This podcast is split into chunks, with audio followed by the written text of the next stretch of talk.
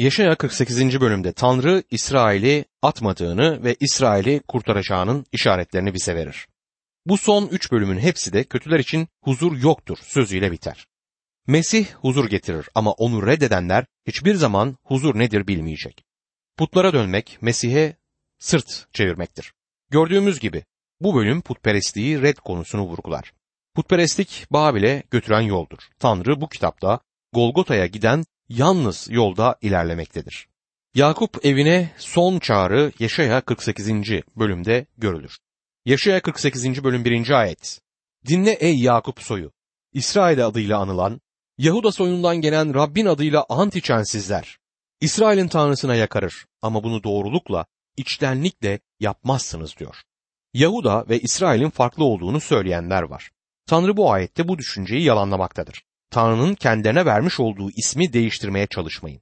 Burada bütün İsrail evine Tanrı hitap eder ve onlara İbrahim, İshak ve Yakup'tan gelen seçilmiş soy olarak işaret eder. O zamanki ve günümüzdeki Rabbe sırtlarını dönmüş olan ulus, Tanrı'ya dönmek için olan bu son uyarıya kulak vermelidir. İsrail'in tanrısından onu tanıyorlarmış gibi söz etmekteler.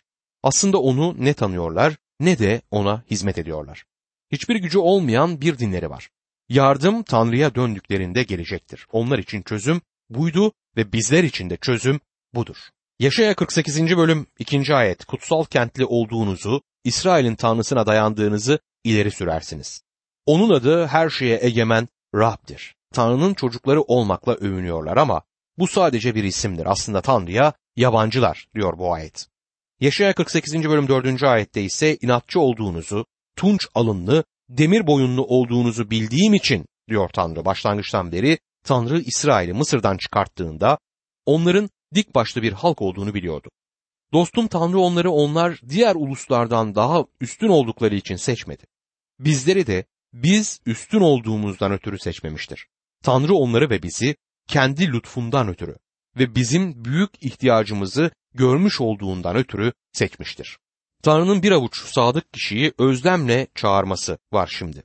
Tanrı neredeyse halkına yalvarır. Yaşaya 48. bölüm 12. ayette Ey Yakup soyu çağırdığım İsrail beni dinle ben oyum İlk benim son da benim diyor. Tanrı'nın artık ulusa bir bütün olarak hitap etmek yerine sözünü sadece çağırdığım olarak nitelediği bir avuç sadık kişiye vermekte olduğu burada görülmektedir. Yaşaya 48. bölüm 15. ayette ben evet ben söyledim. Onu ben çağırdım, onu getirdim. Görevini başaracak diyor. Bu Tanrı'nın kalbinin özlemidir. Yaşaya 48. bölüm 16. ayette yaklaşın bana, dinleyin söyleyeceklerimi. Başlangıçtan beri açıkça konuştum. O zamandan bu yana oradayım. Egemen Rab şimdi beni ve ruhunu gönderiyor diyor. Tanrı'nın mesajcısı olan Yaşaya'dır. Onlara yalvarır ve onlara yalvarırken Rab İsa Mesih'i duyabiliriz. Delis çok doğru olarak peygamber daha önce kendisi için konuşmadığından diğer yandan bu sözcükler bir sonraki bölümde kendisinin İsrail'i kurtaracak ve ulusların ışığı olan kişi olarak tanıtan Yahve'nin hizmetkarlarından geldiğinden bu kişinin Rab İsa Mesih'ten başkası olamayacağını söyler. Tanrı İsrail ulusunu hiçbir zaman vaatlerinin doluluğunda bereketleyememişti. Ve sizlerle ben de hiçbir zaman Tanrı'nın bizi bereketlemeyi istediği kadar bereketlenmedik. Bu kimin hatasıdır? Tanrı'nın hatası mı? Hayır. İsrail'in hatası sizlerin ve benim hatamdır. Yaşaya 48. bölüm 19. ayette soyunuz kum gibi, torunlarınız kum taneleri gibi olurdu. Adları ne unutulur ne de huzurumda yok olurdu diyor.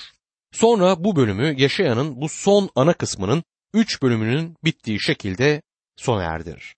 Yaşaya 48. bölüm 22. ayet. Kötülere esenlik yoktur diyor Rab. Bu Tanrı'nın hizmetkarlarının, putperestlerin bütün putlarının üzerine konulduğu ciddi bir kutsamadır. Sadece o esenlik verebilir. Birisi Tanrı'dan uzaksa, günah içinde yaşıyorsa, bugün dünyada esenlik bulamayacak. Tanrı'dan uzak olan kimsenin esenlik bulmadığını söyleyen birkaç bin yıllık kayıtlı tarihe sahibiz. Yaşaya 49. bölümde Mesih'in ve İsrail'in geleceği hakkındaki vaat bulunmaktadır. Yaşaya kitabının bu üçüncü ve son kısmında kötülere esenlik yoktur diyor Rab. Yaşaya kitabının bu üçüncü ve son kesiminde de kötülere esenlik yoktur diyen sözlerle işaretlenmiş üçlü bir parça bulunur. Birinci kısımda hizmetkar aracılığıyla gelen Yahve'nin tesellisini gördük. Adına Yahve'nin kurtarışı diyeceğim şimdi geldiğimiz ikinci kısım Yaşaya 49. bölümle başlar. Bu kurtarış acı çeken hizmetkar aracılığıyla gelecektir. Şimdi Rab İsa Mesih'in Tanrı'nın acı çeken hizmetkarı olduğu hakkındaki kesin vahye doğru ilerlemeye başlayacağız. Bu başlangıçtan beri vahye ilerliyorduk ama önce onu Tanrı'nın halkına teselli getiren hizmetkar olarak geri plandaki bir gölge gibi gördük. Mesih'in çarmıhının muhteşem vahyinin bulunduğu 53. bölüme yaklaştıkça o bizler için daha açık bir hale gelecektir. İsrail Yahve'nin hizmetkarıydı ama İsrail bu görevini başarıyla yerine getiremedi. Tanrı şimdi başka bir hizmetkardan söz edecektir ve bu hizmetkar Rab İsa Mesih'tir. Peygambersel ayetler Tanrı'nın hizmetkarı olarak öncelikle İsrail'den söz eder. Buna karşın bunun son anlamı Mesih'in kişiliğinde bulunacaktır. Bunun klasik örneği Hoşeya'dadır. Hoşeya 11. bölüm 1. ayette çocukluğunda sevdim İsrail'i, oğlumu Mısır'dan çağırdım der. Bu Mesih'te gerçekleşmiştir. Matta 2. bölüm 15. ayette Herodes'in ölümüne dek orada kaldı. Bu Rabbin peygamber aracılığıyla bildirdiği şu söz yerine gelsin diye oldu.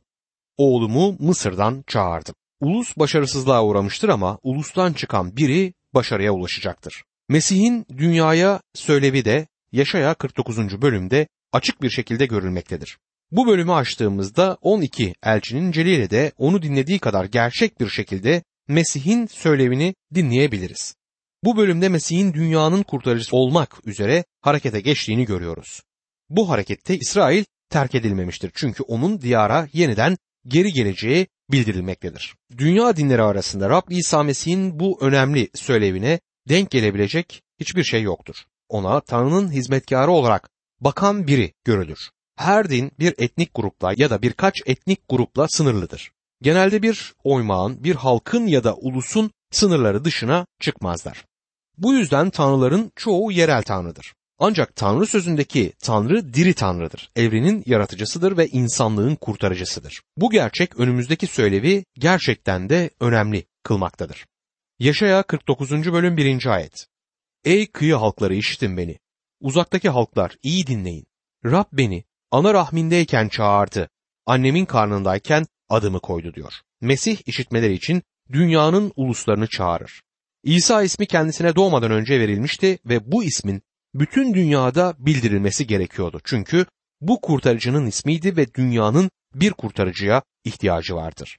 Yaşaya 49. bölüm 2. ayette ise ağzımı keskin kılıç yaptı. Elinin gölgesinde gizledi beni. Beni keskin bir ok yaptı. Kendi ok kılıfına sakladı. Ağzından çıkan keskin kılıç tanrı sözüdür ve yeryüzündeyken düşmanlarının açıklaması Yuhanna 7. bölüm 46. ayette görevler hiç kimse hiçbir zaman bu adamın konuştuğu gibi konuşmamıştır karşılığını verdiler ayetinde bulunmaktadır. Ve bu kişi hakkındaki vahiy şu sözlerle son bulur. Vahiy 19. bölüm 15. ayette. Ağzından ulusları vuracak keskin bir kılıç uzanıyor. Bu dünyadaki ulusların Tanrı sözü aracılığıyla yargılanmasıdır. Tanımlamaya dikkat ediniz. Yaşaya 49. bölüm 3. ayet. Bana kulumsun ey İsrail, görkemimi senin aracılığınla göstereceğim dedi. Bu İsrail ulusu hakkında doğru olacaktı ve Mesih hakkında da doğrudur. Şimdi bu dikkat çekici bir sözdür. Yaşaya 49. bölüm 4. ayet. Ama ben boşuna emek verdim dedim. Gücümü boş yere bir hiç için tükettim. Rab yine de hakkımı savunur. Tanrım yaptıklarımın karşılığını verir. Rab reddedilmiş olduğu ve boş yere uğraşmış gibi göründüğü halde güveni Tanrı'dadır. Rab İsa Mesih'in ölümü bile bir zaferdi. Hatta dünyanın şimdiye kadar görmüş olduğu en büyük zaferdi. Bu yüzden bu bölümde acı çeken hizmetkar vurgulanmaktadır. İlk gelişinde onu reddettiklerinden İsrail'i bir araya getirmedi. İlk gelişinde çok daha harika bir şey gerçekleştirdi. Dünyanın kurtuluşunu gerçekleştirdi. Bu yüzden Tanrı'nın amaçları insanın küçük entrikalarıyla bozulmamıştır. Yaşaya 49. bölüm 5. ayet. Kulu olmam için Yakup soyunu kendisine geri getirmem, İsrail'i önünde toplamam için rahimde beni biçimlendiren Rab şimdi şöyle diyor. Onun gözünde onurluyum. Tanrım bana güç kaynağı oldu. Bunu size Tanrı sözündeki en dikkat çekici parçalardan biri olarak sunmak istiyorum. Yaşaya 49. bölüm 7. ayet. İnsanların hor gördüğüne, ulusların iğrendiğine, Egemenlerin kulu olana, İsrail'in kurtarıcısı ve kutsalı Rab diyor ki, seni seçmiş olan İsrail'in kutsalı sadık Rab'den ötürü, krallar seni görünce ayağa kalkacak, önderler yere kapanacak. Paulus bunu Romalılar 11. bölüm 12. ayette şu şekilde dile getirir. Eğer İsraillerin suçu bozgunu uluslara zenginlik getirdiyse bütünlüğü çok daha büyük bir zenginlik getirecektir. Mesih'in İsrail tarafından reddedilmesi, müjdenin dünyanın her köşesine gitmesi anlamına geldi. Tanrı gelecekte İsrail'i yeniden bir araya toplayınca ne kadar harika olacağını siz düşünün. Yahve'nin İsrail ile konuşması Yaşaya 49. bölümde devam eder. Bu bölümden Yahve'nin İsrail ile onlara eski konumlarının verilmesi hakkındaki konuşmasından sadece birkaç ayeti size aktarayım. Yaşaya 49. bölüm 8. ayet. Rab şöyle diyor. Lütuf zamanında seni yanıtlayacağım. Kurtuluş günü sana yardım edecek, seni koruyacağım. Seni halka antlaşma olarak vereceğim. Öyle ki yıkık ülkeyi yeniden kurasın. Mülk olarak yeni sahiplerine veresin. Tanrı Mesih'in duasını duymuştur ve ulusun çarmıha gerdiği kişi önünde kralların diz çökeceği kişi haline gelecektir ve her diz onun önünde diz çöküp onun Rabliğini kabul etmelidir. Yaşaya 49. bölüm 13. ayet. Ey gökler sevinçle haykırın, neşeyle coş ey yeryüzü, ey dağlar sevinç çığlıklarına katılın. Çünkü Rab halkını avutacak, ezilene merhamet gösterecek. Tanrı'nın yeryüzündeki amaçları İsrail ulusunu merkez almaktadır. Diyarlarına döndüklerinde hem gökler hem de yeryüzü sevinecektir. Ancak günümüzde her şey yerinde olmaktan uzak. İsrail bereket yeri olan diyarlarında Tanrı'ya hizmet ediyor olmalıdır ama durum böyle değil. Kilise Mesih'le birlikte cennette olmalıdır ama kilise hala dünyada. Şeytan cehennemde olmalıdır ama dünyada dolaşarak yutacak kişiler aramaktadır. Rab İsa Mesih dünyayı yönetecek, bu dünyanın tahtında oturuyor olmalıdır ama hala Tanrı'nın sağında. Değiştirilip düzeltilmesi gereken pek çok olay var. O zaman Robert Browning adlı bir imanlının söylediği şu sözler gerçekleşecektir. Tanrı cennettedir, dünyada her şey yolunda gitmektedir. Şu anda bu resim sizlerin ve benim yaşadığımız dünyaya hiç mi hiç uymaz. İsrail halkı bile Tanrı tarafından terk edildiğini düşünmektedir. Yaşaya 49. bölüm 14, 15 ve 16. ayetlerdi. Oysa Sion, Rab beni terk etti, Rab beni unuttu diyordu. Ama Rab, kadın emzikteki çocuğunu unutabilir mi diyor. Rahimden çıkan çocuktan sevecenliği esirger mi? Kadın unutabilir ama ben seni asla unutmam.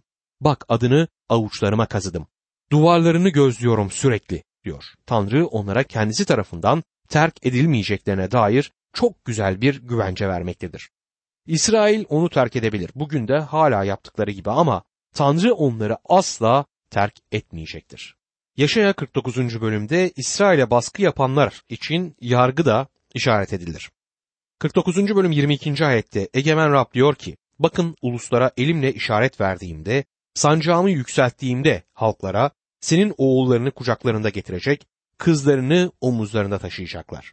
Tanrı İsrail'e diyara nihai olarak döndürülmelerinde ulusların kendisine yardım edeceği konusunda güvence verir. O zamana dek uluslar onları dünyanın her bir yanına dağıtmışlardır. Bu yüzden bu sözleri günümüz için bile epey dikkat çekici bir peygamberlik haline getirir. Büyük Britanya kapılarını Yahudilere açtı. Buna karşın Büyük Britanya onların diyara girmesini yasaklayan bir emir çıkarttı. Bu yüzden gemilerle izinsiz olarak geldiler ve o zamandan beri de şu ya da bu şekilde diyara geri dönmeleri engellenmektedir. Onların başka ülkelerden çıkmaları için zulüm görmeleri gerekmiştir. Ve Rusya'nın komünizm döneminde dünyanın üçüncü büyük Yahudi nüfusu oradaydı ve onların Rusya'dan ayrılmaları engellenmişti. Rusya onlardan kurtulmak istemez. Buna karşın onlara büyük ölçüde Yahudi karşıtı baskıda bulunuyordu. Ancak o günde yani son zamanda Tanrı onları diyarlarına döndürecek ve onların diyarlarına dönebilmeleri için diğer ulusları kullanacaktır. Yaşaya 50. bölümde İsrail'in reddedilmesinin nedeni İsrail'in Mesih'i reddetmesi konu edilir. İsrail için bereket olmadan önce İsrail'in Mesih'i reddi aşmaları gereken en büyük engeldir. İsa onların Mesih olarak gelmiştir ve onlardan biriydi. Yuhanna 1. bölüm 11. ayette kendi yurduna geldi ama kendi halkı onu kabul etmedi der. Kendi halkına gitti ama kendi halkı onu kabul etmedi. Baba Tanrı nedenini bildirecektir şimdi. Yaşaya 50. bölüm 1. ayet. Rab şöyle diyor. Boşadığım annenizin boşanma belgesi nerede? Hangi alacaklıma sattım sizi? Suçlarınız yüzünden satıldınız. Anneniz isyanlarınız yüzünden dışlandı. Musa'nın yasası altında bir adam karısını en ufak bir bahaneden ötürü boşayabiliyordu. Yasanın tekrarı 24. bölüm 1. ayette şöyle yazar. Eğer bir adam evlendiği kadında yakışıksız bir şey bulur, bundan ötürü ondan hoşlanmaz. Boşanma belgesi yazıp ona verir ve onu evinden kovarsa diye yazar. Zalim ve katı yürekli bir adam karısından kurtulmak için bu durumdan yararlanırdı. Tanrı İsrail'e hangi nedenden ötürü onları bir kenara bıraktığını sorar. Tanrı'nın zalim ve kaba olmadığı kesin. İsrail'den Yahve'nin eşi olarak söz edilir. Hoşeya'nın konusu budur. İsrail'in bir kenara bırakılmasına neden olan şey Tanrı'nın kaprisi değildi. Ama Tanrı reddedilmelerinin nedeninin kendi günahları olduğunu çok açık bir şekilde bildirir. Yaşaya 50. bölüm 2. ayette geldiğimde neden kimse yoktu? Çağırdığımda niçin yanıt veren olmadı? Sizi kurtaramayacak kadar kısa mı elim? Ya da gücüm yok mu size özgür kılmaya? Azarlayarak denizi kurutur, ırmakları çöle çeviririm. Su kalmayınca balıklar ölür ve kokar diyor. Geldiğimde diyor Yahve kendi halkı İsrail'e ne zaman peygamberleri aracılığıyla değil de kendisi olarak direkt olarak geldi ve böylesi bir karşılamayı bekledi. Bu onlara Musa'nın yasasını vermek için Sina Dağı'na indiğinde gerçekleşmedi. O zaman bir karşılama beklemedi. Bunun yerine onlardan uzak durmalarını istedi. Ama sonra bir insan, alçak gönüllü bir insan olarak geldi ve kendisi için hiçbir karşılama olmadı. Doğduğunda İsrail onu kutlamadı. Hizmetine başladığında onu kabul etmediler. Mesihlerini reddedip öldürdüler. Simon Petrus Pentekost gününde bunu şu şekilde Elçilerin İşleri 2. bölüm 22, 23 ve 24. ayetlerde dile getirdi. Ey İsrailliler şu sözleri dinleyin. Bildiğiniz gibi Nasıralı İsa Tanrı'nın kendisi aracılığıyla aranızda yaptığı mucizeler, harikalar ve belirtilerle kimliği kanıtlanmış bir kişidir. Tanrı'nın belirlenmiş amacı ve öngörüsü uyarınca elinize teslim edilen bu adamı yasa tanımaz kişilerin eliyle çarmıha çivileyip öldürdünüz. Tanrı ise ölüm acılarına son vererek onu diriltti. Çünkü onun ölüme tutsak olması olanaksızdı diyor. Tanrı onların mesihlerini reddettiklerinden ötürü bir kenara bırakıldıklarını çok açık bir şekilde bildirir. İsa Mesih'in alçaltılmasından söz edilmektedir. Yaşaya 50. bölüm 4. ayet. Yorgunlara sözle destek olmayı bileyim diye egemen Rab bana eğitilmişlerin dilini verdi. Eğitenler gibi dinleyeyim diye kulağımı uyandırır her sabah diyor. Kusursuz hizmetkar Mesih'in Tanrı'ya hitap ettiği ünvan çok açıklayıcıdır. Ona Yahve, Adonay diye hitap eder. Rab İsa Mesih kendisini halkına Yahve Adonay olarak tanıtmıştı. Babanın isteğini yapmak üzere alçak gönüllü ve yumuşak huylu bir şekilde geldi. Öğrenci gibi dinlemem için kulağımı uyandırır her sabah sözleri Rab İsa'nın Tanrı sözünü etüt etmekte olduğu anlamına gelir. Rab İsa hayatının ilk 30 yılında ne yaptı sorusu sorulmaktadır. Genelde verilen yanıt marangoz olarak çalıştığıdır. Ama bu gerçeğin sadece yarısı. Diğer yarısı Tanrı sözünü etüt etmiş olmasıdır. Bu harika. Eğer onun Tanrı sözünü etüt etmesi gerektiyse bizim durumumuzun ne olması gerektiğini size soruyorum. Bence Tanrı sözünü çalışmaya hemen başlamalıyız. Kutsal kitabı çalışmayarak kutsal kitaba baştan sona kadar inanıyorum. Onu hayatımda savunurum demeniz saçma olur. Tanrı yaratılış 1. bölüm 1. ayet ile vahiy 22. bölüm 21. ayet arasındaki sayfalarda konuşmuşsa o zaman buralarda bir yerlerde size ve bana söylemek istediği bir şey var demektir. Tanrı bizimle konuşuyorsa bizim dinlememiz gerekir. Yaşaya 50. bölüm 5. ayet. Egemen Rab kulağımı açtı. Karşı koymadım, geri çekilmedim diyor. Bu Rab'in çarmıha gerilişe kendisini gerçekten teslim edişinden söz eder. Mısır'dan çıkış 21. bölüm 1 ila 6. ayetlerde bir köle hayatının sonuna kadar köle kalmayı istediğinde efendisinin onun kulağını deldiği yazar. Çıkış 21. bölüm 6. ayette efendisi onu yargıç huzuruna çıkaracak. Kapıya ya da kapı sövesine yaklaştırıp kulağını bizle delecek. Böylece köle yaşam boyu efendisine hizmet edecek diye yazar. Bundan sonra bir küpe takacaktı ve taktığına eminim. Bu küpe hayatının sonuna dek efendisinin kölesi olduğunu gösteriyordu. Hayatının sonuna dek köle olmayı seçmesinin iki tane nedeni vardı. Birincisi efendisini sevmesiydi ve ikincisi de bir köle kızla evlenmiş olması ve onsuz salı verilmeyi reddetmesiydi. Bunun Rab İsa'ya uyarlanışını görmemiz gerekir. Bu gelenekten söz eden mezmur yazarı kulaklarımı açtın der. 40. mezmur 6. ayetti. Bunun İbraniler 10. bölüm 5. ayette nasıl aktarıldığına dikkat edin. Bunun için Mesih dünyaya gelirken şöyle diyor. Kurban ve sunu istemedin ama benim için bir beden hazırladın. Mezburda kulağımı açtın derken İbraniler'de benim için bir beden hazırladın der. Rab İsa yeryüzüne gelip çarmıha gittiğinde kulağı açılmadı ya da delinmedi. Kendisine bir beden verildi ve bu beden bir çarmıha çivilendi. Cennete üzerinde çivi izleri olan yüceltilmiş bedeniyle döndü. Kulağının delinmesinden daha fazlasını yapmıştır. Bedenini çarmıha gerilmek üzere teslim etti. Çünkü bizleri sevdi ve cennete biz olmadan dönmek istemedi. Yaşaya 50. bölüm 6. ayette bana vuranlara sırtımı açtım. Yanaklarımı uzattım sakalımı yolanlara.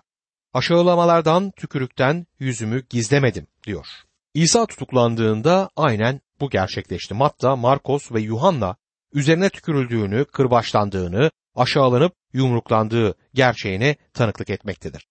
Bu üzerinde düşünmekten hoşlanmadığımız ve geçiştirmek istediğimiz bir şey ama bunlar harfi harfine gerçekleşti. Kutsal ruh Tanrı'nın hizmetkarına güvenmemiz ve onda dinlenmemiz için sakinleştirici ve rica eden bir biçimde bu ayet aracılığıyla bizimle konuşur. Bundan dönüp bize uyarıcı bir söz de iletir. Yaşaya 50. bölüm 11. ayet. Ama ateş yakan, alevli oklar kuşanan sizler, hepiniz ateşinizin aydınlığında tutuşturduğunuz alevli okların arasında yürüyün. Benden alacağınız şudur. Azap içinde yatacaksınız. Önce onlara rica ederken yatıştırıcı bir şekilde konuşur. Sonra dünyanın ışığı olan kişiyi reddederek kendi ateşlerinin ışığında yaşayanlara uyaran sözü iletir. Bir süre önce bir adam bana seni radyoda dinledim ve kurtuluş konusunda seninle aynı fikirde değilim. Sana bu konuda benim ne düşündüğümü söyleyeyim dedi. Bir ateş yakmaya hazırdı ve her ikimizin de oraya oturup kendi ateşinde ısınmamızı istiyordu. Bunun hiçbir ısı ya da ışık vermeyecek sahte bir ateş olduğunu biliyordu. Bunun üzerine ona kaba olmak istemiyorum ama senin ne düşündüğünü işitmek istemiyorum. Çünkü senin düşündüklerin ve benim düşündüklerim çok anlamsız. Bilmemiz gereken Tanrı'nın ne söylediğidir dedim. Ve bizlerin Rab İsa'nın ışığında yaşamamız gerekir. Dünyanın ışığı odur. Dünyanın ışığı olan kişiyi reddedersek o zaman genelde kendi küçük ateşimizin ışığında yaşarız. Kutsal ruh kendi o küçük ateşinizin yanında azap içinde yatacaksınız uyarısında bulunur. Bunun anlamı sonsuza dek kayıp olacağınızdır.